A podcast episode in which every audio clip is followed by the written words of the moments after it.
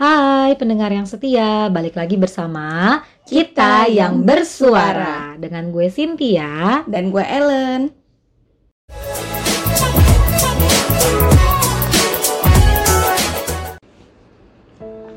Oke teman-teman, hari ini kita akan mereview film yang diadaptasi dari buku ya Len ya. Iya betul. Walaupun awalnya gue sempet maju mundur maju mundur Mm, ya mm. buat nontonnya ya, Iya. karena gue pernah kecewa. Wih. Oh. Kecewa kenapa nih, Vin? kecewa gara-gara film yang gue tonton yang dari Hmm. adaptasi dari buku juga Hmm. itu kurang memuaskan gitu loh nggak sesuai dengan ekspektasi gue yang udah pernah baca bukunya jadi Ah, gue mengeneralisasi gitu ya kayaknya kalau film yang diangkat dari buku atau diadaptasi dari buku kayak kurang deh dan memang sebenarnya lu itu tipe orang yang suka baca buku juga ya sih. benar Hmm, jadi lu punya ekspektasi tersendiri lah terhadap Iya. sebuah film yang Betul. harus sesuai imajinasi gitu. iya benar-benar tapi film ini bener-bener apa ya wow sih satu kata yang gue Mind blowing ya. Iya main bowling wow jadi kayak wow gak ada kata lagi wow Saking kerennya gitu ya. Iya bener bener bener keren banget. Ini film Indonesia ya teman-teman Iya. ya. Filmnya kita sebutin sekarang. Ini apakah filmnya itu sih? Filmnya adalah Imperfect. Ya, mungkin Iya. banyak teman-teman yang udah nonton juga, Heeh, eh, tapi mungkin ada yang belum nonton juga ya. iya. Karena benar. terakhir kali eh, kita cek berapa sih penontonnya itu? dua juta enam ratus enam puluh sekian iya, gitu ya. dua juta enam ratus enam puluh dua penonton. Iya luar biasa. Film Indonesia itu pencapaian yang sangat fantastis sih. Iya gue ya. bener bener bener. Dan gue sangat bangga gitu ya sebagai orang Indonesia Mm-mm. ada film Indonesia yang kayak gini gitu. Iya, yang kayak apa ya konflik yang diangkat itu dari masalah yang sebenarnya kita hadapin sehari-hari. Iya, ya kan bukan banget. kayak masalah yang tinggi banget Iya, gitu kan uh-uh. pokoknya bener-bener related banget sama kehidupan kita Mm-mm. terus ada komedinya juga Iya, benar. ada pesannya juga Benar. setelah lu nonton juga jadi ada pandangan lu yang berubah ya nggak Iya, sih Len? betul betul. Jadi eh, gue inget banget sih saking kerennya nih film, Heeh. lu bahkan sampai langsung update status Insta Story ya. Heeh. ya kan terus lu kayak eh, bikin summary filmnya terus kayak ratingnya tinggi banget gitu nilainya juga kayak tinggi banget dan kayaknya beberapa minggu sebelumnya pun sebenarnya gue udah bilang sama lu ya karena kan iya, gue iya. nonton duluan kan. Iya lu nonton gue dulu bilang Sin lu harus nonton film Imperfect. Gila nih film bagus banget. Jadi karena gue jomblo ya gue nonton sendirian ya. Even nonton sendirian pun gue tuh sampai segitu immersnya ke film itu. Dan Hmm. setelah nonton pun ya keluar dari bioskop itu happy banget loh Sin. Aneh Hmm. banget. Perasaannya tuh kayak iya bener ya sebagai seorang wanita gue itu harus ubah insecure gue jadi bersyukur. Gila benar banget. benar benar pandangan tuh berubah bener-bener berubah. iya pokoknya kayak pesannya tuh nyampe banget iya gitu ya pesannya Len nyampe ya banget bener-bener Dia kayak disajikannya tuh secara ciamik banget gitu ya. Detailnya ada Iya. gitu kan. Ada yang kayak cuman tidak bersua tapi bergaya maksudnya kayak cuman actingnya doang gitu ya Mm, mm, tan- tidak ada suaranya. Tapi kayak kita langsung ngerti gitu dia tuh lagi ngapain dan apa yang dia alami. Bener, bener. dan kayaknya gue juga sempat menitikkan air mata. Wah, saking bagusnya ya saking Iya, iya, ke iya. film itu. Saking bisanya dia menyentuh hati kita ya bisa aja mas. Oke Sin, boleh langsung di review aja nih Film Imperfect ini buat teman-teman yang mungkin belum sempat nonton Atau yang Hmm. udah nonton tapi mau dengerin aja. Eh, jadi kita review review garis besarnya Iya, aja kali ya Len ya. Jadi ceritanya ini tentang satu perempuan, tokoh utamanya itu namanya Rara, yang mana dia punya bokap nyokap itu berbeda fis secara fisik. Dalam artian eh, nyokapnya itu bekas eh bukan bekas mantan, sorry mantan model gitu ya, Iya, iya. mantan model. Jadi ya model gimana sih? Tinggi, kurus, putih gitu kan, cantik ya kan, rambutnya lurus. Sedangkan bokapnya ini lebih yang kayak tubuhnya gemuk gitu Mhm. kan, terus kulitnya agak hitam, Mhm. rambutnya agak keriting. Mm-mm. Nah, si Rara ini ngikutin bokapnya Bokapnya. secara genetik. Jadi ya begitu keluar ya kayak gitu teman-teman. Sedangkan adiknya si Lulu itu ceplakan nyokapnya banget. Iya. Jadi dari kecil dia sudah biasa gitu disanding-sandingkan dengan adiknya Hmm. gitu kan. Dan dia merasa hanya bokapnya yang bisa terima dia apa adanya. Iya. yang badannya kayak gitu yang suka makan coklat yang Iya. suka makan nasi banyak Iya, ya iya. kan sampai akhirnya singkat cerita bokapnya ini meninggal. Dan mereka hanya hidup bertiga Tapi positifnya diceritain di situ dia punya pacar yang namanya Dika dan Dika ini sangat menerima Rara apa adanya, Betul, ya kan? betul. Dia tidak bermasalah dengan fisiklinya Rara ini Mhm. gitu kan. Tapi konflik dimulai Mhm. ketika Rara yang kerja di satu perusahaan kecantikan gitu ya, Eh. ya kan? Suddenly itu manajernya itu berhenti betul sehingga harus dicari pengganti gitu kan ya. Heeh. Dan sebenarnya secara fakta dan kemampuan Hmm. Rara ini paling capable. betul Tapi ya kan Hmm. ketika dia ketemu sama bosnya juga gitu ya, bos direk direksinya kali ya. Di- eh, bosnya ini bilang maksudnya coba aja kalau gue bisa otaknya tuh otaknya lura ya kan, Hmm. tapi badannya tuh badannya dia yang si eh, temennya yang cantik gitu Iya, kan, bener. teman kantornya yang cantik gitu. yang jadi sandingan dia untuk diangkat juga jadi manajer ya Mm-mm, diceritain. bener. Walaupun Rara ceritanya lebih lama ya kerjanya lebih senior Uh-uh. dan lebih mampu. betul secara Sebetulnya. otak maksudnya Mm-mm. Hmm. Nah terus akhirnya si Raranya nego gitu kan sama bosnya itu kayak lu kasih gua 30 hari lah, gua akan diet gitu kan, memperbaiki penampilan gua biar gue bisa mendapatkan posisi itu, Mm. ya kan. Terus akhirnya bosnya setuju dan mulailah Rara ini berusaha mati-matian untuk diet, olahraga, ya kan. Kurangin makan yang tadinya sarapannya bubur Iya, ya iya. kan jadi cuma bawa jus gitu kan yang tadinya makan siang nasi padang Iya ya banget. kan jadi cuma makan buah Iya, gitu iya. kan dan it- akhirnya berubah ya berubah dalam berubah. 30 hari dia berhasil Mm, berhasil menurunkan berat badan jadi kelihatan lebih cantik lebih menarik gitu iya, ya betul. Terus juga dia make up juga sih. Heeh, make up juga bener. Dan jadi punya ini apa beauty privilege ya iya ya? bener iya bener. Heeh. orang sebutnya beauty privilege. Jadi orang-orang yang tadinya nggak mandang dia nih Heeh. tiba-tiba jadi mandang dia karena kecantikan. Cantik Nah, ya. biasa ya. Iya biasa lah ya. Nah dan dari situ mulai lagi lah konflik-konflik selanjutnya itu terjadi. Iya. kayak awalnya dia ini punya teman baik di kantor ya kan yang sama-sama penampilannya ya ya santai aja lah kaos celana sneakers selesai. Tapi semenjak Rara berubah gitu kan jadi lebih memperhatikan kecantikan jadi ke kantor dress gitu kan pakai high heels. Dia juga jadi kayak meminta temennya juga dong lu berubah juga dong pakai ininya juga gitu Iya, kan jadi kayak heels aja cantik Oh, oh. enak gitu. Ternyata nggak Mm-mm. sesakit yang gue pikirkan gitu gitu Mm-mm. jadi temennya juga mulai berubah ya awalnya kayak bukan deketnya sama yang geng-geng cantik gitu Mm-mm, kan terus mm-mm. jadi akhirnya deket sama yang geng-geng cantik itu iya Terus juga nggak cuma sampai di situ, dia juga jadi punya banyak konflik sama Dika. Iya. Mulai dari telat dateng lah, padahal Dikanya itu udah prepare surprise birthday Iya, party kan. Maksudnya dengan anak-anak yang biasa ketemu Rara untuk Mm, diajarin sama Rara dan Rara cuman kayak ya sorry sorry sorry tapi kayak nanti gua ganti deh semuanya gitu. Jadi kayak berubah ya. berubah jadi Value yang dianggap itu jadi berubah gitu. padahal sebenarnya kan Dika bukan masalahin duitnya di situ Hmm. terus juga banyak konflik eh, nggak kan itu tadi nggak dapatin janji kan sih Hmm. terus banyak juga kalau ketemuan sibuk sendiri gitu Mm-mm. kan karena tuntutan pekerjaan juga mungkin ya Iya. karena udah naik jadi manajer terus eh, maunya tuh naik taksi Iya iya iya. ya kan nggak mau panas-panasan lagi naik motor sama si Dika gitu jadi banyak yang berubah lah dari diri dia Benar. Terus puncaknya itu, puncak konfliknya itu ketika di kerjaan akhirnya temennya yang cantik itu ya, yang Hmm. harusnya juga bisa jadi, Jadi manajer, akhirnya tahu gitu kan bahwa sebenarnya dia bisa. Hmm. Tapi karena Rara kayak gitu gitu kan jadi kayak nge-cancelin gitu Iya. kan. Terus udah gitu juga Rara karena udah terlalu banyak masalah di pekerjaan ya. Terus dia sempat salah paham juga sama Dika. Hmm. Dika yang lagi melakukan apa namanya proses apa foto apa Lagi pemotretan, pemotretan. ya Heeh. lagi pemotretan sama adiknya, Adiknya si Rara si Lulu yang mana cuman ngebantuin Dika buat Rara buat si Dikanya itu menang lomba fotografi yang mana Dika lagi butuh duit juga Iya. saat itu ya Iya. cuma sekedar bantuin doang gitu kan Hmm. benerin rambut eh terus Rara yang udah emosinya nggak stabil udah banyak masalah jadi salah paham. Betul, kiranya betul. mereka punya affair gitu Heeh, ya. heeh, dikirain selingkuh ya. Hmm, sekalian selingkuh. Tapi enggak ya. Enggak. Terus juga akhirnya emosi yang tertahan selama ini gitu kan dengan nyokap dan adiknya akhirnya meluap gitu kan. Dia marah juga sama semuanya. Ya kan Len ya? Iya.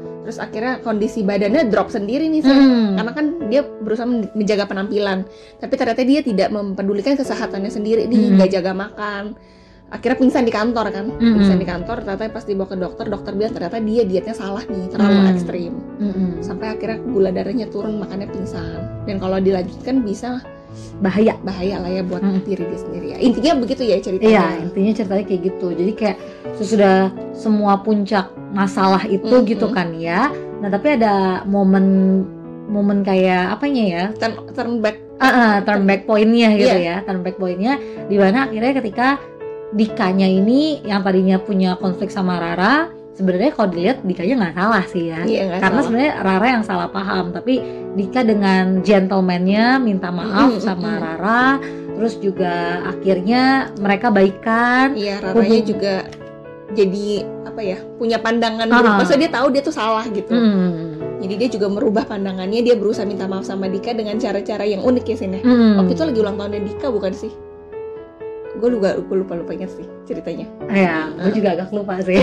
lupa, lupa poin itu ya iya itu intinya ada turn back point di situ ah. sampai akhirnya project dia di kantor juga sukses Mm-mm. terus eh, inti dari eh, cerita projectnya itu apa ya waktu itu intinya itu projectnya kan dia mau bikin produk kecantikan apa gitu ya, Iya. tapi dia menggunakan model yang tidak biasa. bener kalau Iya orang kan biasa model itu harus cantik rambutnya Ah, lurus bener, putih bener. langsing Mm-mm. giginya rapih gitu Ah, kan ya ah. ini dibikin dari bener-bener wanita-wanita biasa Iya, yang punya kekurangan dan kelebihan mereka masing-masing. betul dan itu yang dijadikan model sama Ah, saya ah. dan ternyata produknya berhasil ya sini di benar pasar. benar jadi kayak se- sebenarnya semua wanita itu cantik, Cantik. gitu makanya tagline film ini adalah ubah insecure jadi, Jadi bersyukur. Gitu teman-teman. Nah itu kalau dari filmnya ya sini Ah, ah.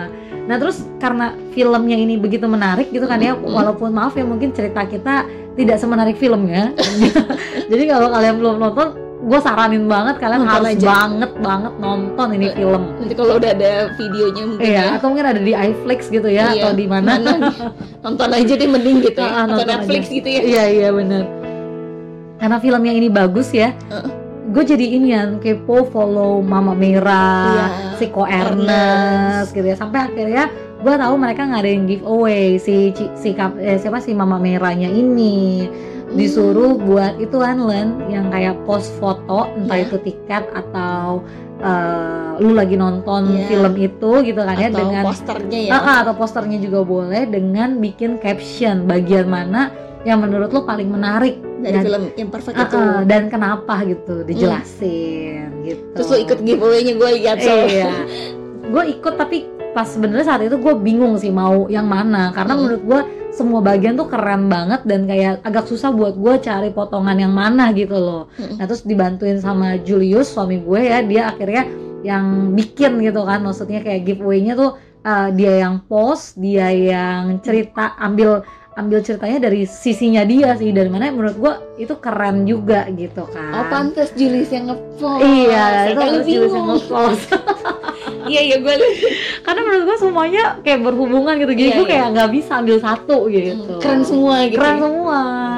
Tapi Sampai- Julius kayak waktu itu ambil bagian dia bilang apa? Oh dia salut sama si Dika ya Mm-mm. yang yang bisa terima kekurangannya Rara. Jadinya bukannya malah nyalahin si Rara tapi malah berusaha memperbaiki dirinya sendiri. Hmm, Bener gak sih? kayaknya bukan deh. Oh bukan. Oh bukan ya? Yang Julius ambil itu ini sih pas yang kata kan jadi si Rara sama Dika berantem tuh Mm-mm. ya kan ketika yang gara-gara dia salah paham sama Dika sama Lulu oh terus akhirnya Dika itu kayak out of control gitu emosinya Oh, iya, iya, sempet iya. berantem sama ya orang lah ya terus akhirnya ada momen di mana Dika itu ngobrol sama nyokapnya sambil kayak ya diobatin gitu kan Iya, abis iya. abis digebukin gitu Hmm. terus berantem lah Mm-mm. terus udah gitu mamanya Dika ini si ibunya ini bilang maksudnya Dika itu nggak boleh egois gitu. Rara itu sebenarnya sedang kayak lagi mencari jati dirinya dia melakukan apa yang dia seneng ibaratnya kayak gitu. Eh, Dika jangan sampai mengingini si Rara untuk jadi apa yang Dika mau. Harus tetap memberikan kebebasan gitu loh untuk Rara. Hmm. harus justru harus ngedukung dia. Mungkin buat Dika nggak masalah Rara gemuk gitu kan. Rara gimana gimana gitu buat Dika itu nggak masalah. Karena kan katanya sudah terlanjur menerima ya kan iya, menerima Iya kan? iya.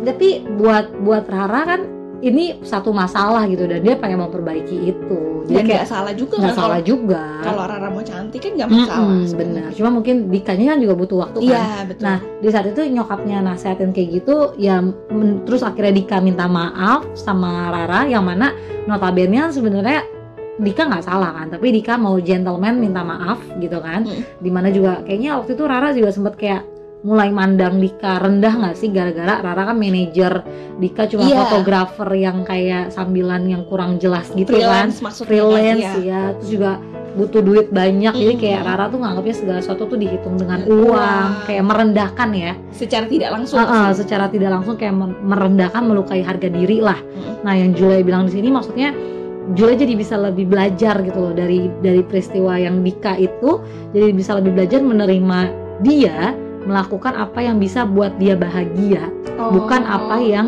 Julai mau alias maksudnya gimana ya buat elu kan Iya, iya, jadi gitu. mm, fokusnya itu nggak cuman sekedar merubah lu jadi apa yang Julius mau Mm-mm. tapi fokusnya itu adalah apa yang bikin Cynthia bahagia harusnya Julius juga bahagia Iya, Gila, memberikan- jadi so sweet ya sampai susah ngomongnya itu itu so sweet Heeh. ya pokoknya itu gitu dan jadi kayak tadi mana ya jadi maksudnya Julius mau Cynthia itu juga bahagia Iya. gitu. bukan apa yang bikin Sin tuh Sin tuh bahagia gitu hmm, benar-benar banget jadi kayak setelah nonton film ini ya Hmm. maksudnya jadi kayak gue juga banyak belajar gitu Mm. banyak belajar banyak belajar terus Jule juga jadi banyak belajar gitu kan Mm-mm. dan gue ngerasa banget sih perubahan di atas dirinya Jule. Weh deh. Jadi curhat.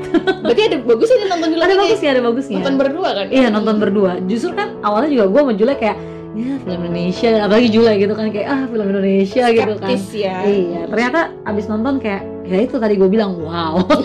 iya iya iya. Nah sampai akhirnya udah singkat cerita gitu ya teman-teman ya karena ceritanya Jule yang itu terus kit- terus Jule menang ya kan? Eh, iya, menang. Dapat lagi ya, menang. bukunya ya menang kan? giveaway dapat buku ya sini dan akhirnya Jule kasih ke gua terus gue baca kan akhirnya thanks to Jule. Dan bukunya juga sangat menarik ya Len ya. Iya betul. Bagus ya lu juga akhirnya beli kan ya? Nah iya gara-gara gue lihat lu ikut giveaway terus menang terus gue Ah. shock sendiri gitu. Tadinya kan gue juga mau ikut kan sih, cuma Ah, gue ah. pikir ya Ellen mah kalau ikut-ikutan giveaway mah lakinya 0,1 dari 0,1 dari 100 kali jadi kayak nggak mungkin menang jadi gue pikir udahlah nggak usah ikutan gitu eh ternyata pas ngeliat lu menang gue jadi ikutan penasaran Hmm. karena kan lu juga cerita sama gue kalau lu baca buku itu cepet banget gitu loh. Hmm. jadi kayak hah Cynthia udah selesai baca bukunya Hmm. kok kayak gue juga sendiri amazed ini Cynthia yang bacanya emang cepet atau di buku bagus banget sampai lu bacanya cepet banget Hmm. akhirnya waktu itu punya kesempatan datang ke toko buku karena juga lagi nungguin teman sih sebenarnya terus ngeliat buku imperfect itu ada di bagian bestseller ya. Hmm. gue cuma baca sinopsis belakang doang sin. Hmm. terus udah senyum sendiri. Gue cuma buku buka bukunya tuh dua halaman kayak satu dua. Saking menariknya itu buku Ah. nggak cuma tulisan doang kan ya. Desainnya tuh bagus banget itu juga di dalam. Gue langsung beli gitu. Kayak nggak pakai mikir dua kali. Pulang maksudnya right at the moment juga langsung gue baca gitu langsung langsung cari coffee shop langsung baca. Dan itu buku tercepat yang juga gue bisa habiskan sebetulnya Iya. kan gue termasuk orang yang lama kalau baca buku ya kan tapi ternyata buku itu menarik banget bahasanya juga eh, ringan ya sih Hmm. untuk dibaca nggak complicated related banget ke kehidupan kayak ya gue juga merasa kayak gitu Hmm, bener-bener banget. Gue juga, gue memang suka baca buku gitu kan. Tapi ada buku-buku yang memang menarik. Nah itu yang bisa bikin gue baca lebih cepat gitu. Kayak, Iya, iya, iya. kayak penasaran gitu. Pengen Hmm. tahu ini apa lagi nih, excited banget gitu. kayak nonton drakor Iya bener, kayak nonton drakor ya. Tapi drakor kan nggak habis-habis. iya iya nah lucunya dari buku ini ya nih ya, dia tuh nggak punya daftar isi. iya iya Iya benar kan benar, ya? benar nggak Jadi, punya daftar isi Bener-bener kayak ceritanya si Mama Merah ini gitu loh. Apa yang terjadi di atas hidupnya dia iya dimulai dari kata orang di Instagram yang kayak istri artis kok B aja iya itu, itu tuh sakit banget loh ya itu sih parah banget sih walaupun mungkin kayak oh kok lu baperan kok lu baperan? Ya akhirnya buku ini cerita tentang itu gitu loh. Bagaimana Mama Merah ini mengalami ibaratnya bisa dibilang itu apa ya bullying bukan ya? Eh, ya semacam itu sih. Semacam itu juga ya? Ya pok ya gimana tuh ya jadinya ya? Eh, sejenis body shaming sih ah iya bener body shaming. Iya hate speech lah ya. Iya iya benar-benar.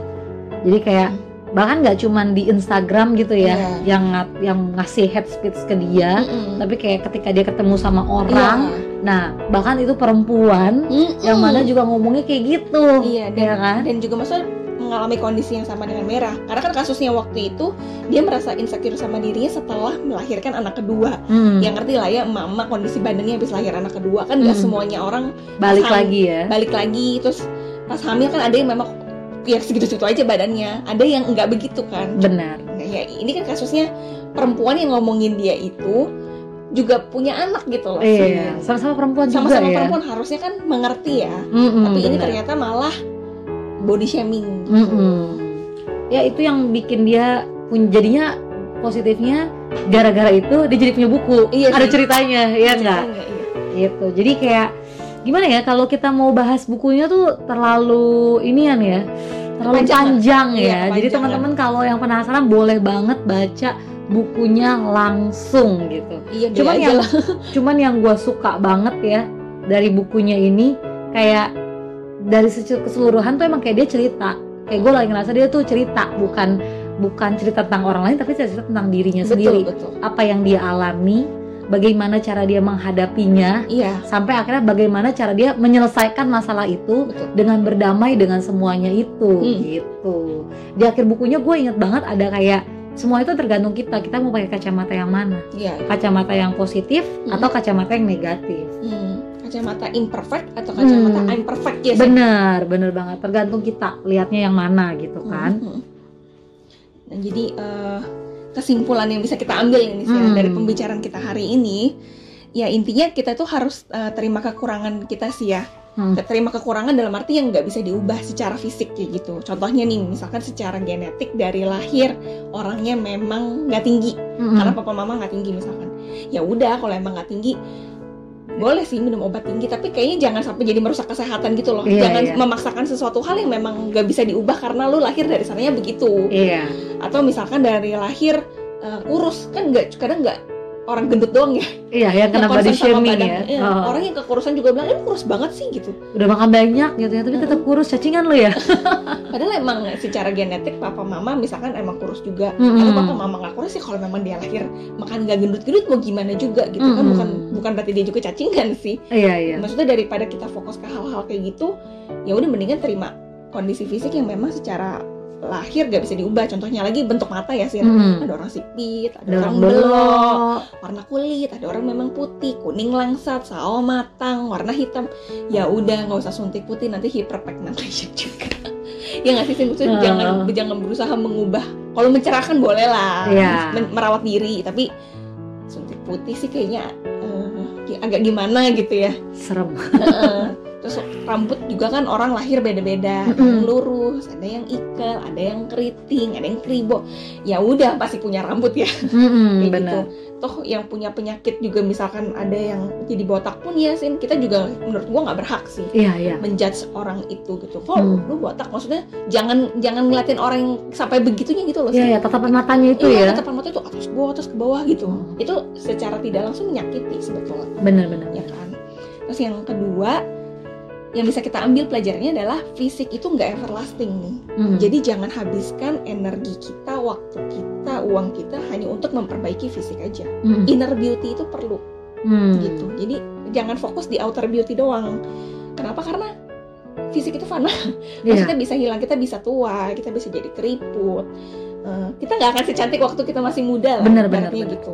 Fisik itu bisa berubah seiring berjalannya waktu. Apalagi kan kalau lu ketemu orang yang sih cantik, tapi jutek, Mm. sombong, eh, kalau diajak ngomong nggak nyambung, pelit julid gitu kan. Itu kan suka ngomongin orang Nah, kan males kan dan itu bisa mengurangi ketertarikan kita ke terhadap dia Mm. pertama-tama memang sih secara visual menarik tapi kalau kita tahu inner beauty-nya begitu orang juga kan males kan Mm-mm. nah, bikin orang juga defense jadinya terus yang ketiga itu kita tadi udah kita singgung sedikit ya body shaming. Nah kalau ketemu orang yang dibahas itu jangan cuma fisik gitu. Jadi kalau Hmm. tanya lu gendutan ya? Eh kok lu kurusan sih?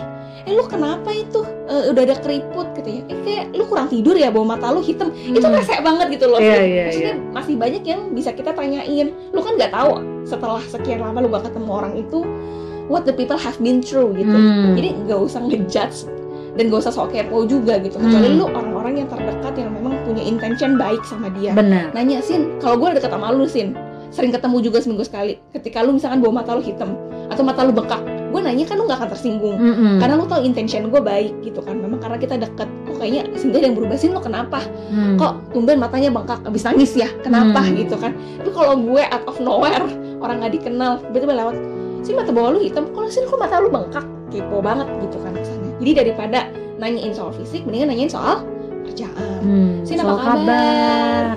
Eh kerjaan gimana sekarang? Eh lu eh, punya kafe ya? Oh lu ini ya sekarang ngajar. Ih keren ya bagus ya. Gimana eh, caranya?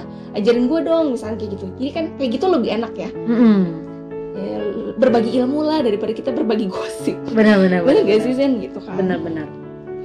Nah terus eh, yang yang so- masih soal body shaming juga nih ya kita mungkin bisa ceritain pengalaman kita kali ya Sin ya. Jadi kalau dari gue nih soal body shaming Mm-mm. gue inget banget nih ini kalau ngomong sama orang anak apalagi anak kecil tuh hati-hati.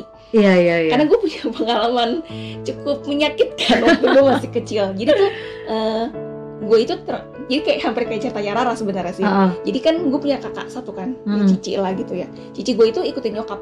Jadi nyokap gue itu eh, rambutnya lurus dan badannya itu kecil jadi Hmm. gue tuh memang dari kecil susah makan jadi emang badannya kurus Mm-mm. gue itu makan apa aja masuk man Mm. dari kecil itu memang kayak bokap jadi bokap itu kan perawakannya badannya bongsor gitu kan Hmm. gede gitu kan memang rambutnya ikal nah gue memang ngikutin bokap jadi tuh mirip banget cerita gue sama rambut tuh semua mirip coba dia kan dia cici Ah, ah. jadi gue adek gitu Kasusnya oke. tuh gue tuh adek ya, ya nggak sebusuk itu sih sebenarnya. Maksudnya secara physically enggak sejelek itu cuman maksudnya dibandingin Cici biasanya eh, suka dibanding bandingin sama orang-orang kayak gitulah. Ih Ah. adanya lebih gendut ya daripada cicinya. Iya ih iya adanya lebih iya. gede daripada cicinya. Itu ngeselin banget. Ah. bahkan sampai pernah ada ini saudara eh, kalau kuku tuh apa tante ya? Iya tante ada tante. tante gue itu kalau lagi ngumpul gitu ya sin imlekan misalkan ya. Ngeliat gue saking dikasih apa makan apa pun mau dia tuh kalau nyeletuk ngomong tuh nggak dipikirin gitu. Dia ngomong Ah. kayak gini sin lu bayangin ya. Lan makan ini mau mau. Emang salah ya kalau anak kecil bilang dikasih makan apa aja mau? Bukan Ah. harusnya bersyukur ya. Terus dia Iya. ngomong kayak gini eh Ellen kayaknya dikasih makan apa aja mau dikasih makan tai juga mau kali. Waduh di situ sin. Wah gila itu itu keinget terus loh. Maksudnya bahkan sampai sekarang gue ketemu orangnya pun gue masih ingat dia pernah ngomong kayak gitu. Walaupun Ah. walaupun sebenarnya nggak ada dendam juga sih. Mm. udah udah memaafkan. Cuma maksudnya dari situ gue belajar kalau ngomong sama orang tuh hati-hati. Apalagi kan anak kecil. anak kecil itu kan memorinya kuat kan. Mm-mm. Jadi sampai dia gede lu kan nggak tahu apa yang dia bawa gitu sampai dia Mm. gede. Syukur-syukur bisa lupa gitu kan kalau benar-benar kalau enggak malah jadi kepahitan Nah, ya. mau- jadi insecure membawa dampak buruk kan jadinya nggak baik. Benar-benar kalau benar dari lo ada nggak sih? Dari gue sebenarnya banyak sih. Banyak orang-orang julid kayaknya. Iya banyak orang-orang Juliet jadi gue ini kan nggak tinggi ya les pendek. Nggak pendek banget sebenarnya iya sih. nggak pendek banget sih. Cuma satu satu lima puluh nggak nyampe. Nyampe kali? Enggak ya? Nggak nggak nyampe. Jadi kayak di keluarga gua bokap nyokap gue sebenarnya lumayan maksudnya standar lah ya lu cukup tinggi gitu kan. Tapi emang kayak di keturunan bokap gua itu ya anak perempuan tertua itu akan lebih pendek dibandingkan anak yang lainnya yang perempuan juga.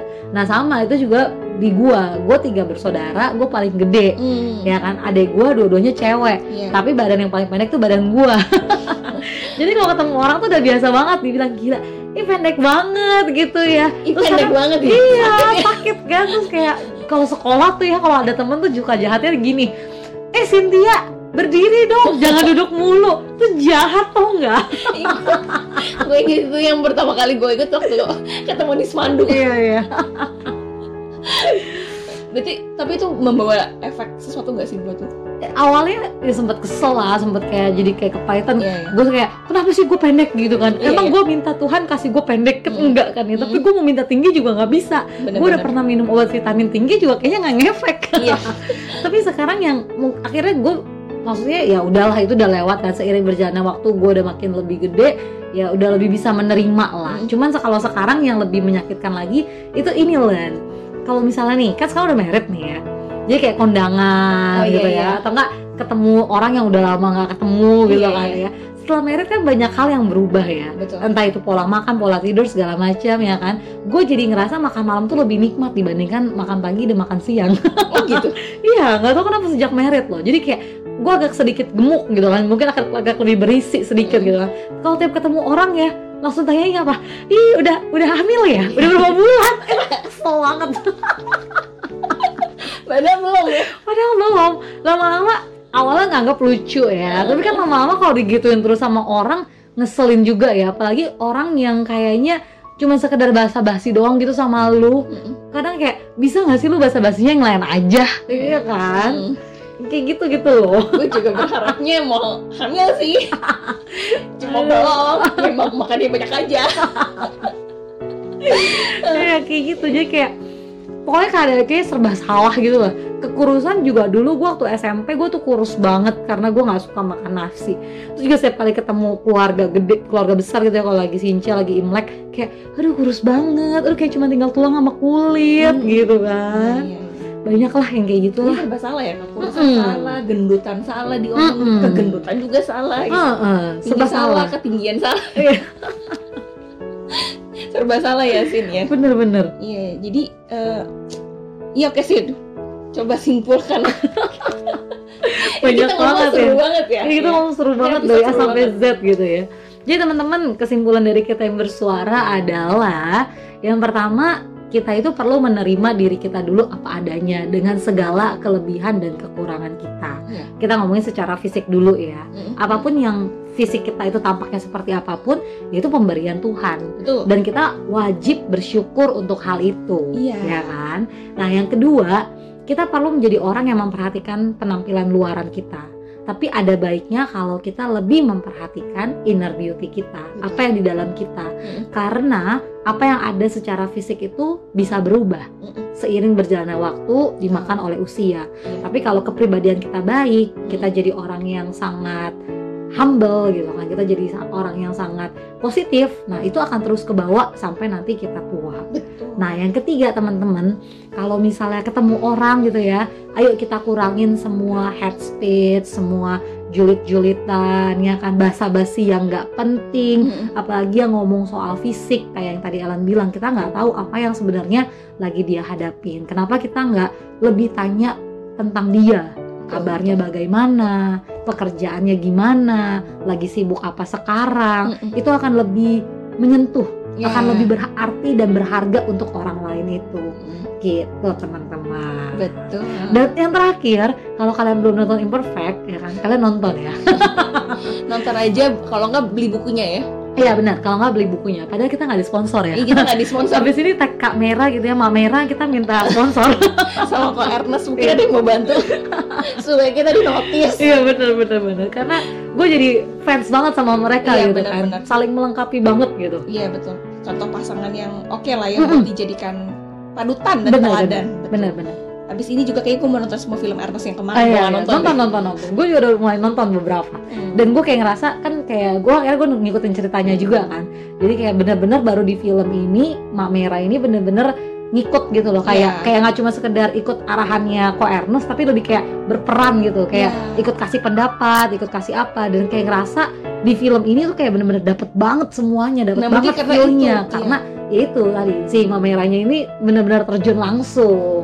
Jadi memang Hmm. bener laki-laki tuh perlu perempuan. Loh jadi oke lah ya. Oke lah ya pokoknya nonton teman-teman Oke, itu aja teman-teman podcast kita hari ini. Thank you banget yang udah denger kita sampai habis. Celotehan kita paling panjang ya iya episode kali ini. Mudah-mudahan memberikan inspirasi juga buat teman-teman untuk terus pakai kacamata yang tadi itu ya, Sin, ya. kacamata yang positif I'm perfect, bukan cuman fokus ke imperfectnya kita. hmm betul Oke. Itu aja podcast hari ini. Eh, kita ketemu lagi di podcast yang berikutnya. Gue Ellen. gue Cynthia Bye. bye